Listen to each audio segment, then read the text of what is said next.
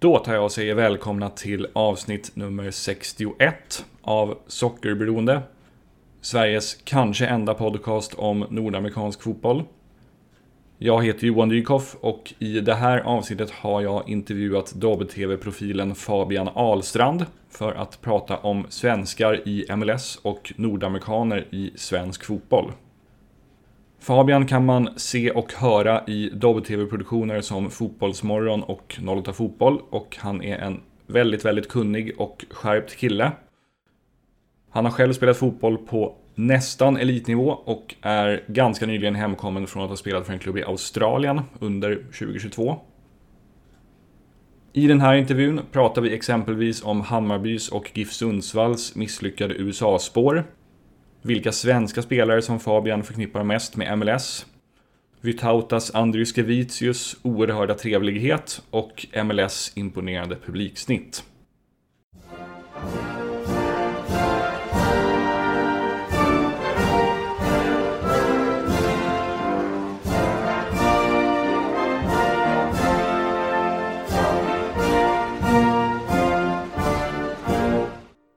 Till att börja med, om du hör orden nordamerikansk fotboll, eh, vad dyker upp i din skalle då? Eh, fysik, tänker jag. När jag hör nordamerikansk fotboll så tänker jag ändå på den fotbollen vi ska prata om. Mm. Men när jag får en bild framför mig så tänker jag mycket fysik, springa, eh, eh, tränare som skriker. Det är, väl, det är väl det jag får upp spontant. Var, tror du att den uppfattningen kommer ifrån, så att säga?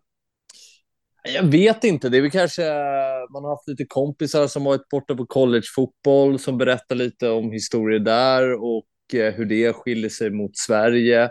Mm. Och sen... Eh, ja, men... Eh, jag vet inte. Det är väl, det är väl bara en så här förutfattad bild man har över fotbollen som bedrivs där borta. Ja. Men vad jag har förstått så har det förändrats mer och mer. Så det känns som att det är ett fotbollsland på uppgången då och mm. Eh, inte minst ligan i sig. Just det. Apropå collegefotboll, jag har något svagt minne av att jag har hört dig berätta om att du i något skede i livet typ var på väg att spela collegefotboll i USA. Stämmer det eller har bara drömt ja, det? Ja, alltså det var inte så nära, men jag hade väl lite kontakt med någon, någon gubbe som jobbade med det där, att mm. uh, få över svenska spelare till collegefotbollen. Och det var väl så här en, två, tre månader där jag var helt låst på att jag ville verkligen göra det. Och så var jag på någon intervju med just den här, jag tror han heter Emil Kumlin, om mm. det låter bekant för dig. Yep. Ja. Uh, så jag var med snack med honom och, uh, och så där och då var jag väldigt så här insnöad på att jag ville åka iväg.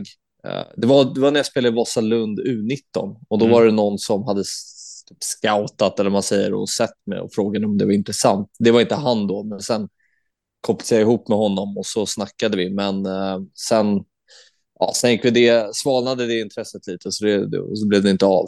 Uh, men ja, det här var kul att se vad man hade varit idag om man hade åkt över till USA och varit där i fyra år. Ja, precis. Då hade det kanske liksom varit eh, lirat in i mitt fält med Michael Bradley i Toronto. Ja, exakt. Ja. Det är väl bara Axel Sjöberg som har eh, gått och spelat MLS bland svenskar som åkte över, eller? Nu ska vi se. Det blev ju en draftad inför i år. Han har inte fått kontrakt än dock. En Uppsala-kille som heter Buster Sjöberg. Han blev draftad av Vancouver. Mm. Eh, det har varit några till som blivit draftade men sen inte fått kontrakt. Men som har, det är nog bara Axel Sjöberg som har gått liksom hela vägen i alla fall. Från mm. collegefotboll, draftad och sen kontrakt och sen eller förlåt, nej, Oskar Ågren är en kille som spelar i San Jose nu. Okay, han, har, ja. han, har, han, har, fått spela väldigt lite än så länge. Ja. Eh, men Axel Sjöberg är den som har, som har gått överlägset bäst för i alla fall. Ja, det får man, det får man lov att säga. Nej, men det känns ju ändå inte som att han är den mest, den som kanske hade mest meriter, den största kvalitetsspelen som åkte över eh, när han väl åkte över. Alltså, känns som att det är många duktiga spelare ändå som har tagit, nu var väl Axel Sjöberg duktig när han åkte över, men det känns som att det fanns, har funnits många stora talanger som ändå åkt över, men ändå inte gått hela vägen. Det är lite överraskande då att det inte är fler kan jag tycka. Ja, jag kan tänka mig att det är lite typiskt att, att just han, alltså han var en duktig spelare, absolut. Eh, men han, Apropå han, fysik. Han är ju så oerhört jävla lång. Ja, jag, kan, jag, kan tänka, jag, kan, tänka mig att det liksom premierades i dels collegefotbollen och sen i eh, MLS också. Att, ja. Eh, jag, minns, jag minns att Hasse Backe under tiden då han var tränare där borta sa att han märkte liksom det bland sina tränarkollegor att men de tittar extremt mycket på fysiken när de ska drafta spelare sådär. Eh, mm. Och då är det klart, är man 2,03 lång som Axel Sjöberg, det, det sticker ju ut. Alltså, ja, både, bild, både bildligt och bokstavligt talat. Så. Ja, verkligen. Gud ja. Eh, du känner Frej Engberg, eller hur? Ja, precis. Han var ju uh, gäst i premiäravsnittet. I där, ja, okej. Okay, ja. Mm. Sen har ju Jonathan Hagman varit med också. Han är också en nära vän till mig. Ja, just det. Det var, det var faktiskt innan den här podden. Ja, okay, eh, ja. Men, det, men det, det gjorde något slags liksom, ja, inspelad intervju med honom. Eh, också, ja, båda jättetrevliga personer. Mm, verkligen. Eh, ja. Eh, skulle du säga att du har eller har haft någon slags relation till MLS som liga? Ja, men tyvärr så, blir det väl som de flesta att man eh, tittade på Zlatans matcher eh, när han var där. Eh, så det är väl den relation man har. Sen när man var i... Ja, jag var i Argentina för fyra år sedan och då, då var det ganska många spelare i argentinska ligan som ja, men som går till MLS. Och det var mm. väl då man fattade att MLS var lite på frammarsch. Liksom, att kommer ändå spelare från argentinska högsta ligan och gå till MLS. Också alltså, bra spelare i argentinska oh ja. ligan som väljer att gå till, till MLS. Uh, eh, och det var där det blev en liten ögonöppnare. Fan, så. Det är inte bara stjärnspäckade värvningar de gör, utan de, de plockar också in uh, duktiga fotbollsspelare från andra kontinenter som, uh, som kan göra ligan bättre och inte bara försöker hugga de största stjärnorna i världen, utan att de jobbar som de europeiska klubbarna också med ett bra scouting-nätverk och så vidare. Uh, så ja, med återkoppling till det tidigare så känns det verkligen som att MLS är en liga som man nog inte ska raljera så mycket över längre, för det är ändå den bilden man har i Sverige, att ja, man går till MLS, det är väl ett mellansteg, men det känns väl som idag att MLS är en liga som är klart bättre än allsvenskan. Ja, och kanske ja, bilden i Sverige kanske till och med varit att man går till MLS för att få ett sista kontrakt typ. Men mm. Eh, inte ens att det är ett mellansteg, men nu, nu kanske det i alla fall är på väg att få den, ska man säga, eh, det epitetet i Sverige, vilket är, mm. jag ser det som något slags framgång. Det är intressant hur det är i Argentina, för eh, det stämmer ju att det, går, det kommer väldigt mycket spelare från Argentina till, till MLS. Och jag minns, om man drar sig tillbaka ungefär tio år i tiden så var det en, det var nästan en sån här ska man säga, någon slags skifte som skedde där, typ, typ 2012-2013, för då var det eh, Portland Timbers värvade en offensiv mittfältare som heter Diego Valeri som var en mm. bra spelare i argentinska ligan. Eh, och han var skitbra i MLS också. Och F i och med den värvningen så blev det nästan som att en massa andra klubbar försökte, försökte åka och köpa liksom sin Diego Valeri som var alltså en typ så här offensiv mittfältare i åldern 26 till 29, typ så där. Ja. Så det, efter det bara liksom välde det in offensiva mittfältare från argentinska ligan som i regel kostade flera miljoner dollar, liksom, då, då, är det, då är det ju bra spelare som, som man får. Och sen dess har det där nästan accelererat ännu mer, så nu kan liksom MLS-klubbar, inte minst typ så Atlanta, köpa spelare från Argentina för liksom 15 miljoner dollar. De köpte alltså han som fick priset som den bästa sydamerikanska, eller Sydamerika-baserade spelaren, typ så här 2020 mm. eller någonting. Mm. Eh, som faktiskt floppar i MLS, lustigt nog. Men, men, men det säger liksom någonting om hur vilken liksom nivåstegring det är i värvningarna i MLS. Ja. Så det, du är absolut, håller, håller helt med i det du beskriver. Och sen också apropå det där musik, det var intressant att uh, typ, en sån spelare som McVeigh gick till MLS, så kanske mm. inte var, alltså, var ju okej i allsvenskan och sådär i Elfsborg, men där är det spelare som man märker också har de fysiska egenskaperna för att spela i MLS. Uh, apropå att man plockar spelare som passar in i spelsätt och så vidare. Mm. Uh, och, alltså en spelare som verkligen passar i den amerikanska fotbollen egentligen. Uh, Just det. Mer än kanske, mer än kanske den svenska. Jag vet inte hur det har gått för honom, har det gått bra eller? Fan? Ja, alltså han var ju helt ordinarie. Han spel, jag tror att han spelade typ nästan varenda minut i Miami förra mm. året. Uh, han har amerikanskt pass också, vilket jag tror bidrog, så... tog med honom. Ja, just det, såklart. Men alltså han, han var ju ordinarie i ändå ett rätt hyfsat lag. Så, mm. Eh, det, och det, han var ju aldrig riktigt ordinarie i Elfsborg, så det, det, är ändå liksom, ja men bra scoutat av Miami, får man säga. Ja, han fick väl spela en del, för, alltså 2021, när de hade ganska mycket skadebekymmer i mm. backlinjen, mm. när, de var, ja, när de var väldigt bra, var nära på att ja, men nästan kunna vinna SM-guld. Ja, ja, men precis. Eh, apropå det här med MLS rykte, så jag som gillar ligan upplever ju att den har ett liksom skamfilat rykte i Sverige och Europa. Eh, vad tycker du om sånt här, om sånt här som liksom lönetak och stängda ligor och drafts och allt sånt här som de håller på med? Är liksom allting, är allt sånt jättedumt eller tycker du att det finns något liksom korn av vettighet i något av dem? Ja, men lönetak är väl någonting som man liksom kan använda, applicera i Sverige också. Mm. Uh, men kanske inte under ett regelverk. Men jag tycker att man kan ta lite av det uh, i Sverige, att, det, att ett lönetak kan vara viktigt i, i, en, i en, när man ska bygga trupper och en truppstruktur. Mm. Sen om det är ett bra ett regelverk eller inte, det vet jag inte. Sen tycker jag personligen det här med draft tycker jag är lite härligt. Att det är väldigt amerikanskt, att man har det. Uh, som i hockeyn till exempel. Funkar mm. det på samma sätt eller att det är första runda, andra runda och så vidare?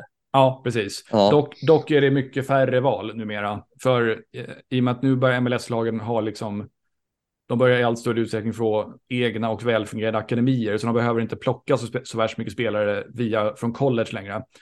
Nej. Så, och de spelare som kommer från akademin, de går ju liksom, ja men de behöver inte gå via draften, så då blir det att mm. draften får liksom mindre och mindre betydelse. Men det finns fortfarande och, eh, och det är tre runder tror jag det är numera.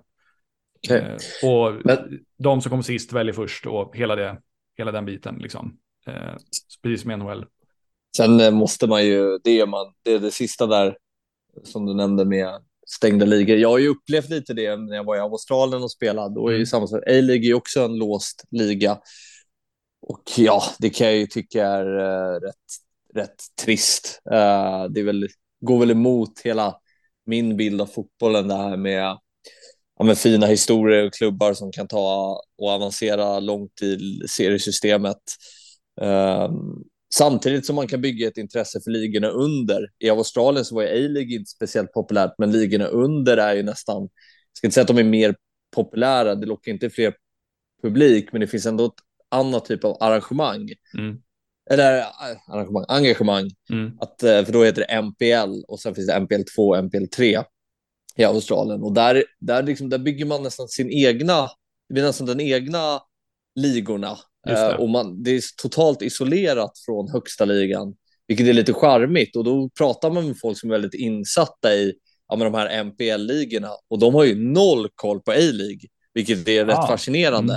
Mm. Uh, och jag kan väl tänka mig så att de underligorna i, i USA och Amerika fungerar lite likadant. Att så här, ja, men de har sin verksamhet där uppe i MLS, men vi där nere, vi, vi tycker det är roligare att följa den, den mindre fotbollen. Liksom. Um, men det var, det var väldigt fascinerande som man kan för att jämföra med hur det fungerar i USA. Men ah, egentligen är jag väl rätt allergisk mot det där med att det ska vara stängda ligor eh, i sig. Um, är det, är det så också i Australien att, för i USA, eller Nordamerika rättare sagt, är det väldigt mycket så att eh, i de lägre ligorna i Eh, Eh, så, ha, så är det också mer att det är mer frekvent att lagen ligger också i mindre städer.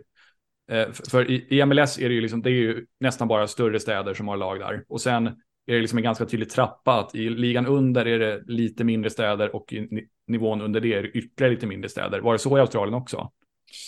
Alltså menar du med mindre städer att lagen är ute i vischan typ?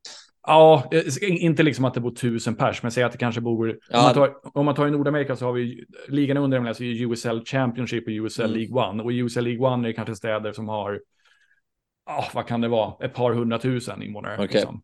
Nej, men eh, i, i, i, uh, jag vet inte hur det ser ut där, men i, i Australien så är det uppdelat, alltså i varje stad så har de sin NPL-serie. Så jag menar, Aha, okay. uh, A-liga är ju över hela landet, men mm i de lägre divisionerna är det ligor, är det ligor i en stad. Så att Sydney och Melbourne har till exempel samma ligor, bara att är, de spelar bara i, i sina städer. Mm. Så det är, liksom, det är dubbla ligor i MPL 1 som är en andra ligan inom citationstecken. Så att de har en sån i Melbourne, sen har de en sån i Sydney, sen har de en sån i, i Brisbane och så där. Så det är väldigt uppdelat på så sätt. Uh, Okej, jag vet ja. inte hur det fungerar i andra ligan i, i USA. Nej, de har ju... Eh, den Alltså spelar man över hela landet då? Ja, det gör de. Eh, Okej, shit. så det, do, dock är det uppdelat i conferences, Mm. East and Western. Ja, exakt. Ja. Ehm, och, men däremot inte i USL League One, för den är så liten. Det är nog bara typ tio lag eller sådär. Mm. Eh, så den är nationell. Eh, okej, så det, Så- det, är en, det är en skillnad. Sen, det är nog först på nivån under det, när det inte Ja. längre är professionell nivå, där börjar det bli helt och hållet regionala ligor. Niklas Maripo spelade väl där i andra. Just Ja. det. Jacksonville Armada spelar han för, i en numera faktiskt nerlagd liga som heter NESL. Den typ konkade strax efter. det händer lite då och då i Nordamerika att li ligor går omkull sådär. eh, eh, om vi går över till allsvenskan som, jag, som ju ligger dig varmt om hjärtat. Vem är den liksom första nordamerikanska spelaren som du minns i allsvenskan? Alltså den från längst tillbaka i tiden. Alltså, jag, jag måste ju... Den första som ploppade upp i mitt huvud är Galé Bosmonde som Mm. spelade i Djurgården 2011. Det är, eh, gjorde väl ett fåtal matcher, men det var den första som kom på tal. Mm. Eller kom på tal som jag tänkte på så här. Eh, men vilka andra har vi haft? Och nu står det helt still. Är du för ung för att minnas Atiba, Atiba Hutchinson? Ja, ja men det är klart. Ja. Det är klart jag minns honom. Helsingborg. Ja, Charlie Mm. Davis såklart. Så, Ja. eh, Gjorde två mot Djurgården. Det var ju, jätte, var ju helt urusel första säsongen i Hammarby. Så jag till och med hattrick i sista omgången tror jag, 2007. Mot Guys. Ja, sen var han ju så jäkla bra 28. Eh, sen lämnade han väl eh, inför 29 och sen hade han väl den här hemska bilkraschen. Va? Ja, exakt. Det var, det var nog till och med sommar 09 som han lämnade, tror jag. Eh, att han Mm. lämnade, ja, precis, så han till Sochaux. Och sen kom bilkraschen strax därefter, ja, precis. Ja, för det var väl i samband med typ för-VM eller sånt där. Han, för han, han var väl väldigt het i landslaget där och skulle väl få, ja men var nästan startanfallare där och så hände Ja. det där och så.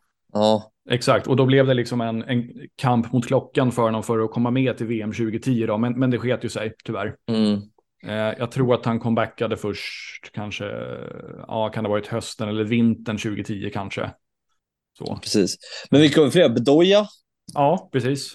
Bedoya. Ehm, så, eh, ja men då, då, då, minns, då minns du många från, eh, från Ja. liksom, även långt tillbaka i tiden. Skulle du säga att det är någon, vilka har du liksom tyckt eller tänkt särskilt mycket om? Och det behöver inte betyda att du har gillat dem nödvändigtvis, utan bara, men sådana som liksom sticker ut i minnet av, av en eller annan anledning.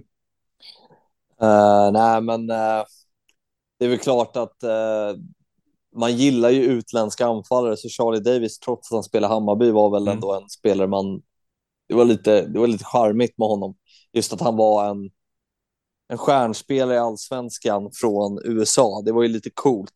Bedoya var ju helt överlägsen, tycker jag. Jag tyckte han var så brutalt bra. Det gick ju ja, men väldigt bra för honom efter den allsvenska sessionen också. Mm. Spelar fortfarande också. Ja, just det. Mm. Är han fortfarande i Frankrike, eller? Nej, i Philadelphia, sen typ fem år Okej. tillbaka. Eh, men vad var det mer jag tänkte på som var där som var väldigt bra? Eh, var det inte... Nu står det still här. Det var någon jag tänkte på. Uh, ja, det är väl de, men sen uh, Agbo Somunde var väl... ja. Brian Spann är också från USA. Ja, precis. Ja, Mm. han gjorde ett mål i Djurgården. Han la ju av nu. Just det, precis. Spelade i Haninge senast. Ja. Jag såg det på typ fem olika nyhetssidor skrev om det. Att Brian Spann lägger ner karriären så blir han liksom i division 1 förra året. ja, Eh, men eh, ja, det finns ju ett par. mm, helt klart. Har AIK haft någon? Kenny Stamatopoulos eh, är ju kanadensare. Eh, har de haft någon jänkare? Det vette tusan alltså. Jag kommer inte på någon. De har haft spelare som har varit i MLS, men inte, eller som har gått dit, men jag kommer inte på någon mer kanadensare. Kari Stevenson, om man får räkna in amerikaner. Ja, ja, ja såklart. Ja. Eh, ja, jamaicanska lådan kan man ju rota i också. Eh, ja, Luton, precis. Luton Shelton som dog häromåret. Eh, Ja, just det. Ett annat, Tio for Bennett i öster, minns man. Skitsnabb. Ja. Um, ja, men där har man haft, haft det, har, det, har, ja, men det har funnits en del, helt klart. Utan att ha räknat på saken så känns det i alla fall, det, det känns som att det är fler spelare som eh, har liksom gått mellan allsvenskan och MLS på senare år jämfört med tidigare. Um, mm. Vad skulle du säga, liksom, vad gör det med dig när spelare som typ så här Moana Diaz eller Rasmus Alm som är liksom bra eller till och med riktigt bra allsvenska spelare går till MLS? Vad tänker du om det karriärsteget liksom? Ja, nej, men det är väl lite så här, vad ska de annars ta vägen? Nu tycker jag ju att det är två, två bra spelare i allsvenskan, men det känns ju inte som att det är några man tänker, ska vi etablera några sto jättestora karriärer i, i eh, Europa? Jag tänker kanske att det är få spelare som skulle kunna göra, få hyfsad speltid i mellanklubb i Holland eller mm. Polen. Mm. Och, då, och där, tycker, där lägger jag väl in MLS i samma fack. Att, att det är väl på samma nivå som kanske ja, med Danmark, Polen, mittenlag, bottenlag i Holland och sådär. Mm. Uh, så ja, jag tycker, jag tycker det är roligare än att de, att de går till Saudi till exempel. Mm. Um, det känns som att de kan hålla sig lite mer relevanta där, uh, borta i MLS. Men uh, jag vet inte riktigt. Det, det är så, alltså det, det, Ja, men det känns ändå som att en sån som Tinnerholm gick dit och det var ett ganska bra karriärsteg. Att, så att mm. han, han, han, kunde ändå vara landslagsaktuell samtidigt som att han spelade där. Uh, Gustav Svensson spelade väl MLS när han var uh, spelade i landslaget. Så jag menar, man kan ju ändå göra sig relevanta där. Ja. Och, uh, och det känns också som att det är en liten bild att från svenskar att går man till MLS så bara tynas man bort från fotbollsverkligheten. Men riktigt mm. så tycker jag inte att det är. Jag tycker det har bevisat sig många gånger att det inte är så, utan man kan få ytterligare fart på sina karriärer där borta. Uh, bara att det är en annan fotbollsfilosofi kanske som genomsyrar ligan till skillnad från Sverige. Jag menar, Robin Jansson gör det väl bra väl mm. skulle vi i princip kunna ta en landslagsplats om det skulle krisa och så där så känns det ändå som att man Ja. ja, vi får väl se hur Jocke Nilssons landslagskarriär, vad den tar vägen nu. Han har ju mm. gått dit nu. Och har ju också, han gjorde ju det här märkliga valet att han gick till en klubb som inte finns än. Eller den, den, de spelar ju inte någonstans när han skrev på för dem. Så han har ju varit inaktiv i ett halvår. Men nu, ska vi, nu börjar de spela den här säsongen då, St. Louis. Ja. Får se om han, han, han, han är inte ordinarie i landslaget, men han har ändå varit liksom i landslagstrupper i närtid. Mm. Så får se om han, om han kan fortsätta vara det. Nu är han skadad, ja, precis. men... Eh, ja, ja. ja, men precis. Så det, det, finns ju, det finns ju ett gäng. Ja. Vilken av svenskarna som har varit i MLS skulle du säga att det liksom associerar starkast med just MLS? Vem är liksom the MLS-svensk för dig? Ja, fan vad rolig fråga. Uh, jag får inte säga Zlatan då såklart. Uh, det, det kan du få ju... göra, men, men, då måste du säga minst, minst en till. ja, exakt. Ja, men jag kommer inte välja Zlatan, men uh,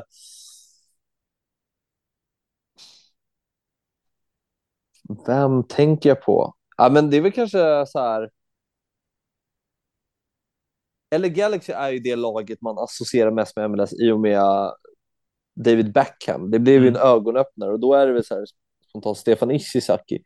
Men det, det är väl snarare jag ska hitta en spelare som jag ser i en MLS-tröja när jag tänker på spelaren. Mm. Men kanske Erik Friberg var... Oh, det är svårt alltså. Alltså väldigt svårt. Gustav Svensson är ju kanske en sån. Uh, ja. Som jag tänker. Armenteros kanske. Han var, var han? Montreal va? Portland. Portland. Ja, då får vi inte säga. Nej, men jag säger väl Stefan Ishizaki då. Ja. Det känns som att han ändå etablerade också en karriär där och kom tillbaka starkt. Liksom. Vann ju ligan också där borta. Precis. Så, ja. Det, kan du säga, här kommer ett litet quiz. Vet du vilka tre svenskar som har kommit med i årets lag i MLS, alltså genom tiderna? Ja, men Ishizaki. Ja. Friberg. Ja. Alltså årets lag genom tiderna. Ja, eller, alltså, eller ja, förlåt, inte, inte liksom bästa elva någonsin, utan som någon gång har kommit med i årets lag i MLS. Ja, men Zlatan. Japp. Robin Jansson. Ja. Chippen? Nej, han var ganska dålig, MLS. Okay. En, en som jag nämnt tidigare dock. Tinnerholm? Nej. Hä? Ja, Armenteros. Nej. Svensson. Nej. Ja, det här är ju fruktansvärt. Vem har vi nämnt som jag inte kommer på på nu då? Nej, du får ta de här. Det är för svagt. Axel Sjöberg. Axel Sjöberg. Eh, Fredrik Ljungberg faktiskt. Jag tänkte säga Fredrik Ljungberg. Jag tänkte Han var, säga han var skitbra sitt första år i Seattle. Eh, Ja. Faktiskt. Eh, Ja. Ja, Så, den är eh, ju... Den var nog Chicago Fire också, va? Precis, han gjorde en och en halv säsong i Seattle och sen en halv i Chicago. Eh, Mm. Och sen drog han till Celtic, va? Därifrån ja, gjorde han. precis. Och sen Japan och så Precis. var det, va? Ja. Ja. ja, men det är de. Sen tror jag alltså, Tinneholm ansågs ju vara en av, om inte den bästa, så i alla fall en av ligans bästa ytterbackar alla sina Mm. säsonger där. Dock, yt- ytterbackar brukar ha väldigt svårt att komma med i årets lag, så det kan nog vara det som han föll på. Men Mm. eh, en av de MLS-experter som jag håller högst har liksom beskrivit honom som i alla fall offensivt typ en av de bästa ytterbackarna i MLS sista tio åren. Så det är liksom, han, han var väldigt, väldigt högt ansedd där borta. Mm. Apropå det här med spelare som väljer att gå till MLS, vad gör det liksom med dig när spelare av typen så här Lorenzo Insigne eller Carlos Vela går till MLS? Alltså sådana spelare som liksom tydligt skulle kunna spela ytterligare några säsonger till i Europa på hög nivå. Uh, nej, inte... Alltså, det beror på vem det är. Insigne tycker man ju verkligen gick under så här bra år. Alltså, jag menar, vann EM-guld och var het. Och tycker man kanske att han skulle ja, men, testa vingarna i någon europeisk klubb, kanske i någon annan liga. Mm. Eh, men det är väl mer också för att det här att man inte tittar så mycket på MLS. Och det är just Insigne spelar jag tycker väldigt mycket om. Jag tycker det är en väldigt rolig spel att titta på. Mm. Lite så här, Jovinko var ju också lite så här, man tyckte, ja, men fan, ska du dit och göra den redan nu? Du har ju flera år kvar i, i, på topp och så går man dit. Carlos Vela, en annan. Eh, så nja, alltså. Det är väl mer att man inte kan se dem lika mycket egentligen. Mm. Skulle jag vilja säga. Men Ja, det. ja, det är väl lite tråkigt att så här, vissa spelare. Um, det var tråkigt om en sån som Dybala gick till MLS nästa säsong till exempel. Ja. Jag varför undrar, jag tänkte på honom. ja, men det vore ju också något. Fan, jag, jag tänkte när Alexander Isak, när han, när han gick trögt i Sociedad, förlåt, Real Sociedad, man får inte säga Sociedad, eh, så tänkte jag, tänk om något MLS-lag skulle nypa honom nu. Alltså jag, jag, Mm.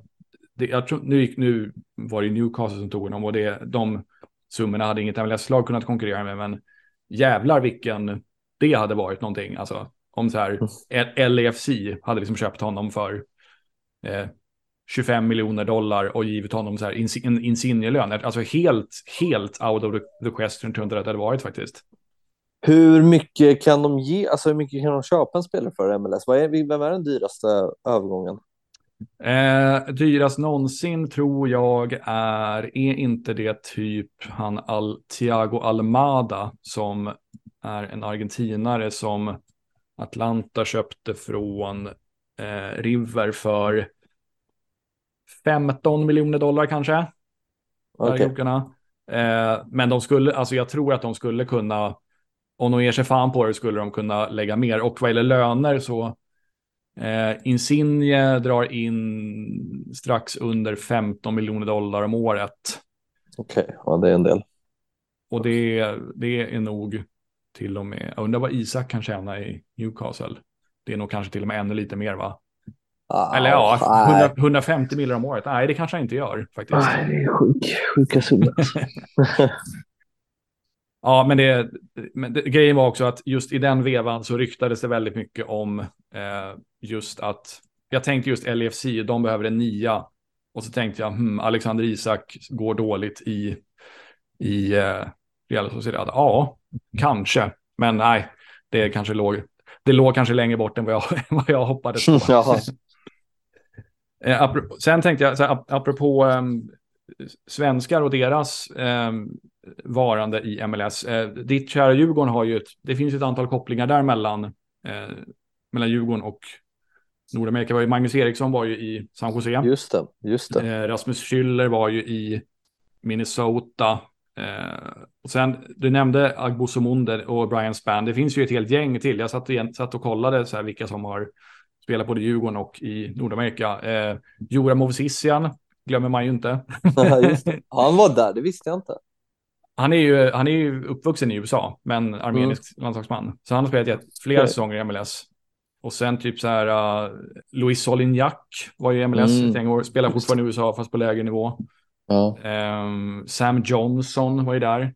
Ja, precis. Um, Vytas, litauiske vänsterbacken. Ja, Vytas är faktiskt den första jag tänker på. Han gick väl från... Nej, han gick först till Holland. Ja, Kambur var det. Ja. Och sen Portland, precis. Han var, ganska, han var ganska bra tycker jag. Ja, otroligt trevlig. Jag intervjuade honom till en, honom till en tidigare podd. Han var fan en av en av de trevligaste fotbollsspelare jag någonsin pratat med faktiskt. Ja, men det var det intrycket man fick. Ja, verkligen när han spelade i Djurgården. Att han var väldigt sympatisk och sådär. Mm. Väldigt oväntat liksom så här vad säger man, jovialisk och liksom så free spirit för att vara från Östeuropa. det är inte riktigt ja. den bilden man tänker sig. Nej, nej. Eh. Borde, få, borde ta med Solinac i något avsnitt, det vore häftigt. Ja, det, jag har faktiskt funderat på att göra. Han kan numera rätt bra engelska, så då, det skulle mm. faktiskt funka. Eh, han spelar mm. i El, El Paso numera i, okay. i andra ligan och går riktigt bra faktiskt. Sen har vi ju eh, eh Ken Ribonanike, var ju i MLS. Eh, ja. Chicago och i United väl var han. Ja, just det, precis. Jävla många spelare som har varit iväg. Alltså. Ja, eh, Alhaji Kamara var ju i Djurgården en kort tid. Ja, precis, i, precis. Han gick ju när han fick hjärtproblem och inte fick spela i Europa. Då fick, av någon anledning fick han ju spela i USA. Så det var därför ja, han hamnade i, i DC United. Ja, precis. Just det. Eh, eh, har vi mer för några? Hjalmar Ekdal har spelat collegefotboll. Eh, ja. Pablo Diego, gamle brassen, spelade en, en vända i eh, San Francisco som, mm. eh, i den här numera nedlagda North American Soccer League. Det. Så, det är, så det är rätt många som ändå har varit liksom på, på, båda, på båda ställena sådär. Eh, ja. Apropå det här med, ja, rätt mycket rullians mellan de båda ligorna nu, vilket jag tycker är kul.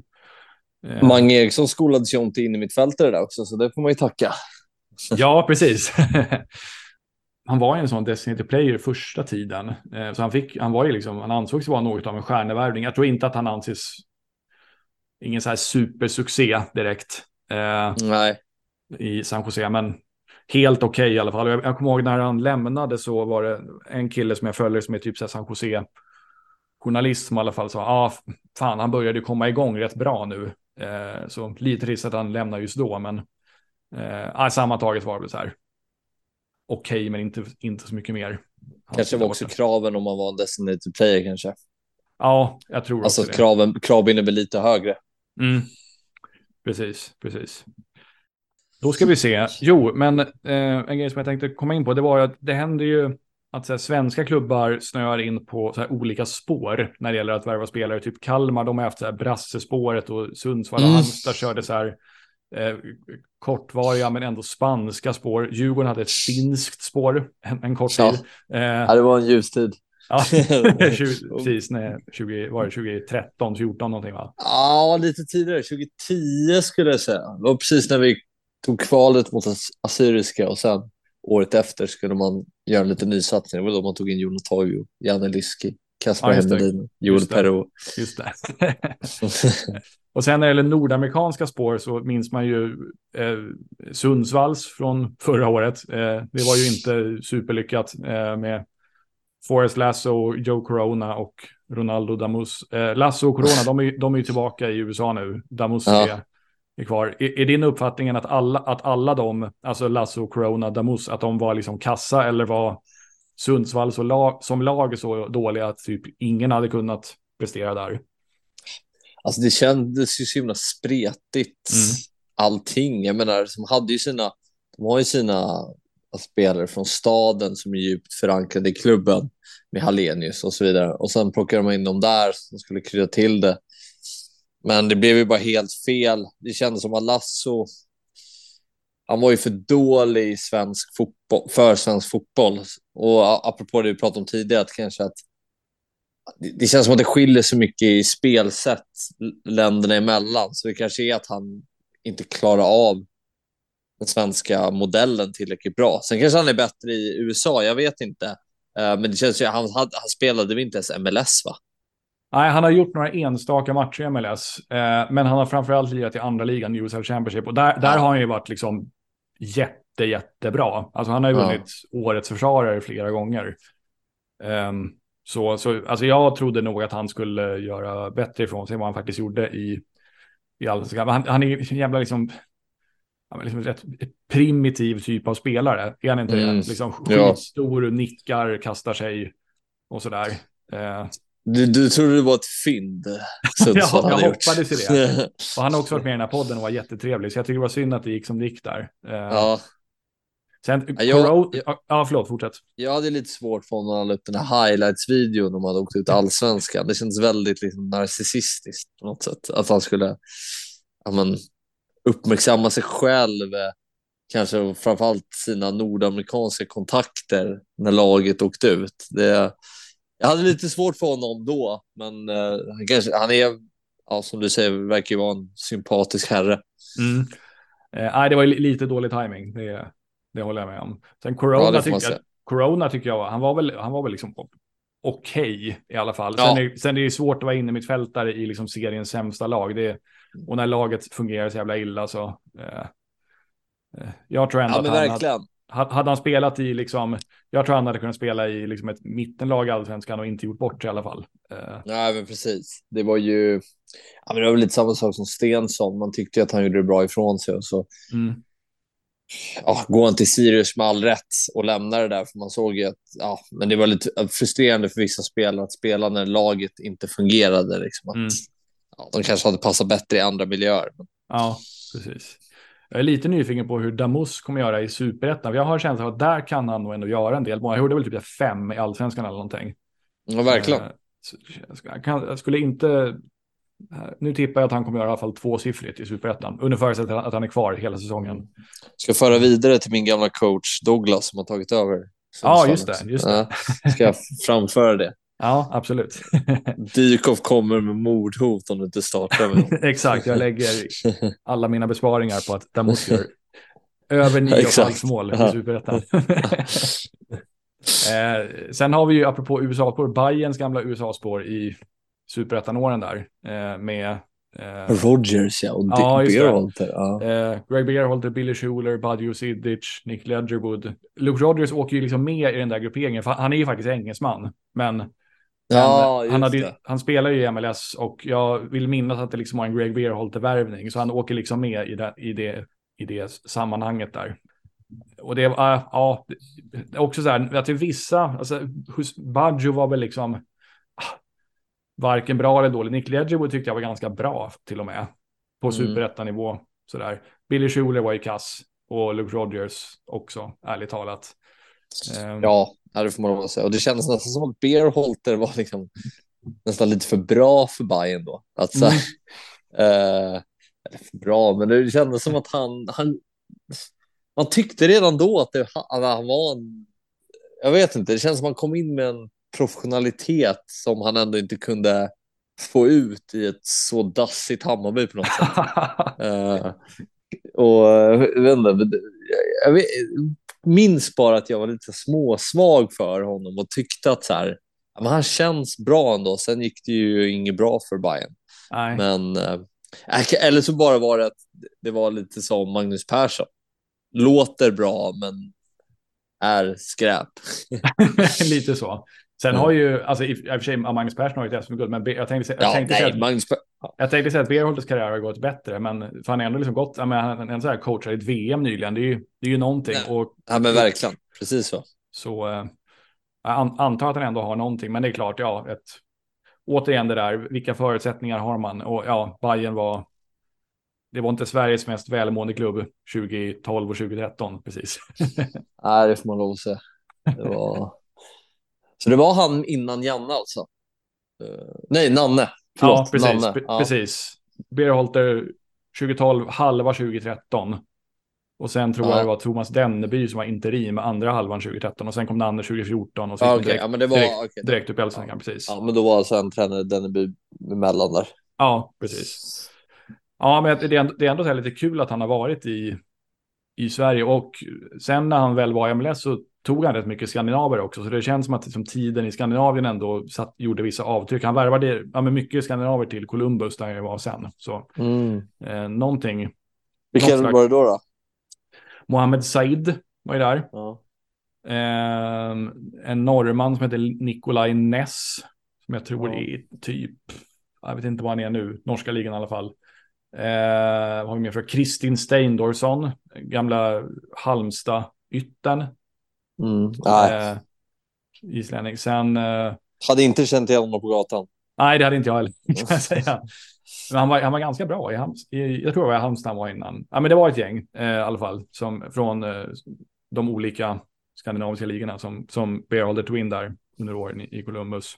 Sen vad jag, i övrigt vad gäller så här, eh, nordamerikaner i Sverige så vet jag att typ Ljungskile har haft en hel del genom åren, dock aldrig mer än typ en eller två samtidigt. Sirius också, eh, Josh Mm. Wicks var ju där.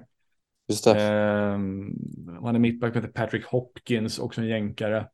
Sen Boden hade mycket amerikaner när de var del, dels i superettan och sen också på lägre nivå. Så det är, det är ändå några klubbar som har valt att doppa tårna i, i amerikanska ligan sådär. Med blandad framgång kan man säga. Ja, det känns som Boden borde vara försiktiga när de ger sig in där. Ja. Jag minns att de värvade, de värvade en kille som heter Brian Dunseth. Han hade ändå varit så här, han hade ändå spelat så här OS för USA. Eh, Ja. Rätt nära, det var när Boden var i superettan. Eh, och så köpte de honom, när kan han ha varit där? 2000? Kan han spela Oj, OS? Boden i superettan tar jag, 20 den tar jag absolut inte. 2002 kanske eller någonting så här. Okej, det är så länge sedan. Ja, det, det är länge sedan. Eh, och han Dunseth hade spelat i OS, kan det ha varit i Sydney 2000 kanske? Något sånt. Ja. Ja, men de har- Bodens, Bodens BK. Bodens äh, amerikanska spår i början av 2000-talet. Ja, Det, det, det, ska, det ska jag fan följa upp. Men, det ska jag göra. Ja, det skulle vara ett otroligt nischat When We Were Kings. Så här. Ja. Ehm, ja, men det, kan, det, kan, det är faktiskt ganska spännande. Och de värvar som sagt fortfarande en del amerikaner, trots att de blir i, i tvåan. Eller om de möjligen ettan. Jag tror det är tvåan fortfarande. Eh, sen så här, typ i Norge och Danmark, och där har också hamnat en del amerikaner genom året. Eh, om man går tillbaka typ så här 15 år i tiden så var det till och med rätt framstående MLS-spelare som gick dit. Eh, Mm. Eh, det händer inte på samma sätt idag. För Att för, vilket kanske också är något slags bevis för att MLS har tagit steg framåt. För jag minns typ så här att det var en typ, typ så här han som fick priset som ligans bästa försvarare så här 2007 eller någonting. Han gick så här, ett år senare gick han till Nordsjälland som inte ens var ett mittenlag, Ja, ett, ett typ mittenlag i. Danmark då. Och det händer ju inte längre idag. Och en, en faktor där kan ju vara att idag tjänar även halvbra spelare i MLS ganska bra. Så det, de har liksom inget ekonomiskt incitament att gå till Nordsjälland eller Molde eller eh, mittenlag i allsvenskan eller så. Eh, så det, det är också en sån rätt stor skillnad. Vilket vi också ser då med vilka, jag menar också- också apropå det här med att spelare som typ, ja men Jocke Nilsson väljer att gå till MLS, liksom ordinarie 27-årig Bundesliga-back väljer att gå till MLS. Ja men det är klart att då krävs det att det, man får ganska bra betalt och det får han. Han kommer tjäna typ strax över en miljon dollar om året. Så Okej, ja. eh, det är Inte kattpiss. nej, det, det kan man inte få i allsvenskan ens hur mycket man än försöker tror jag. En mille i månaden, nej det får man inte. Nej, nej det, Eh, jag vet inte vem som skulle ligga närmast till hans där. Viktor Fischer kanske? Ja, kanske. Eller om, nej, nej. om Malmö skulle göra någon så här riktig jävla... Om de skulle liksom ta i från tårna skulle de kanske kunna ge 400-500 papp i månaden eller någonting. Men Mm. då ska det vara något riktigt. Ja, vad skulle det kunna vara för någon då? Ja, men, när man... Haksab Haksabanovic. ja, ja den, är, den låter Fy- ganska... Ja. 400 papp i månaden eller något sånt där. Mm. Det skulle man Mm. kanske kunna tänka sig. Ja, men det är i alla fall, det är liksom en, ett sätt också apropå det här med skiften och vad som hände förut, som, vad som hände förut och vad som inte längre händer i vad gäller MLS då. Jag tänkte innan vi avslutar tänkte jag fråga, så här, om man tänker eh, så här, publik och supporterkultur och så här, har du någon uppfattning om liksom så här, supporterintresset, supporterkulturen kring MLS? Vad är din bild av det? Ja, men det känns som att det är väl också något så här som kommer mer och mer. Uh, och det blir, kommer väl lite, det är väl lite influerat av Europa Mm. och man ser väl lite pyroteknik på olika arenor. Jag såg någon någon så här bränning eller vad det var, något tifo från Montreal tror jag. De Mm. har väl gassat upp sig väldigt mycket och är väl ett av ligans bästa lag nu. Ja, sportligt. Eh, sen har de, de har tappat mycket spelare nu i Inter som kommer att vara mycket sämre nästa år. Men eh, de, de, var, de var bra förra året. Eh, och Gjorde de ingen väl ett- stor försäljning eller? Två till och med. De sålde en ytterback till Celtic och en innermittfältare till eh, Watford. Och sen en mittfältare till AZ också. Ja, Så de just har det, AZ. Den, Mm. den, den noterade jag. Den där såg jag något så här, någon, någon tifo-arrangemang eh, ifrån. Mm. Eh, sen träffade jag, jag träffade när jag var i Australien, träffade jag någon, också kanadensare, vilket lag var det han höll på?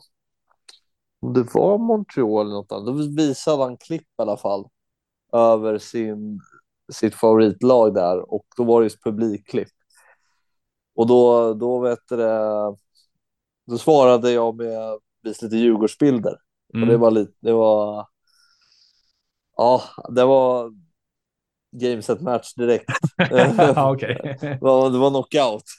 Eh, men det känns, det, min känsla är väl att det försöks en del att bedriva en eh, levande supportkultur där och att det, intresset växer mer. Men det är väl det här man får lite den här plastiga känslan ändå. Men, ja, men lite återkopplat till eh, A-League då, som, som eh, man följer lite grann. Väl, där var det ju någon, där var det ju fan där pitchade de ju planen här för några, någon månad sedan och attackera målvakten, målvakten och sådär. Jag tror det var Melbourne Victory mot om det var Melbourne City, Mm. eh, City-koncernen.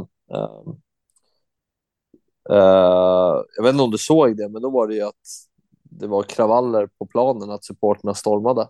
Åh fan. Och där, det, känns som, det, är, det är, känns som att det är lite likadant där, att det finns någon grupp som försöker dra igång någonting Mm. någon liten ultrasfalang och så försöker man få det att växa. Eftersom att jag kan tänka mig att klubbarna är grundade ungefär sam samtidigt Mm. och ligorna startar ungefär i samma tid, både A-League och MLS. Så det är väl min bild att det växer sakta men säkert och att det finns små grupperingar i varenda klubb som försöker liksom bedriva någon form av kärnverksamhet i supportkulturen. där. Har jag fel? Eh, jag skulle säga, alltså, en stor skillnad är att, eller det finns ju vissa lag som drar extremt mycket publik i MLS. Alltså typ Atlanta, Seattle, vad har vi med för några? Eh, faktiskt Charlotte och Nashville drar mycket folk. Eh, Ja. Som liksom ligger på höga 20, 30, till och med 40 000 i snitt. Oj. Sen har vi lag som har liksom bara strax över 10, kanske runt 15 000 i snitt. Så det är, det är en ex- enorm varia, liksom, ja, väldigt spretigt så. Snittet ligger på runt 21 tror jag i MLS. Vilket ju ändå är rätt bra tycker jag. Men, men det är väldig variation på liksom, ja, men inramning och hur, hur, vad ska man säga, hur mycket klubben har liksom slag, de olika klubbarna har liksom slagit rot i städerna. I, om man tar liksom New York så finns det ju folk som knappt ens, eller så för ju klubban en ganska anonym tillvaro i och med att det finns så mycket annat, alltså mycket andra lag och så här. Och även så här i vissa Dallas och Houston är det så också att folk kanske gillar fotboll men vet knappt att det finns ett MLS-lag i stan och så där. Eh, så de har rätt mycket, där, medan i exempel i Portland så skulle jag nog säga att Timbers kanske är typ största klubben i stan. Mm. Alltså inräknat alla sporter. Ja, ja, ja, jag fattar. Mm. 21 000 i snitt är ju bra ju. Ja. Alltså, Det är ju Ja. ruskigt bra. Jag tror det är en nivå med kanske, kan det vara som The Championship kanske? Mm. Det låter inte helt orimligt.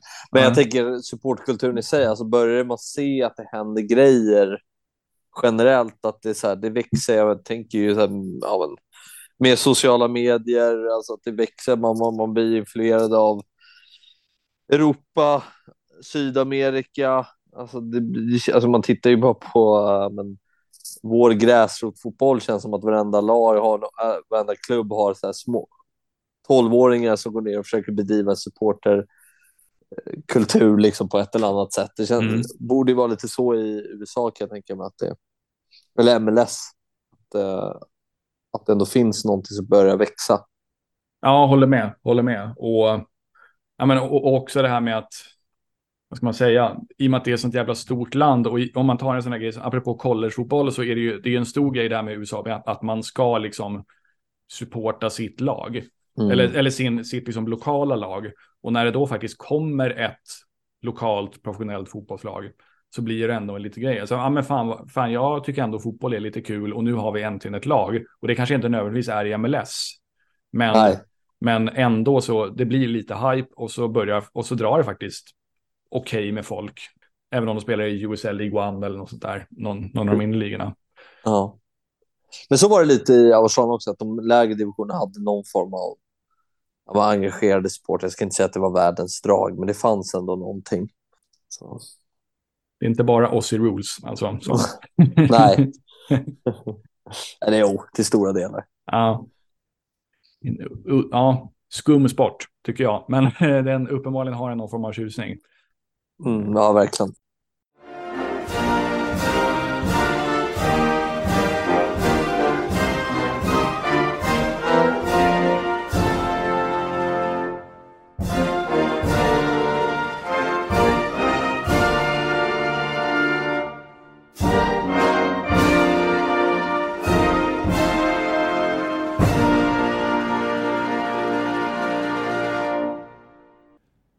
Sådär ja, då tar vi och tackar Fabian Ahlstrand för att han tog sig tid att ställa upp på den här intervjun och vi önskar honom givetvis allt gott framöver.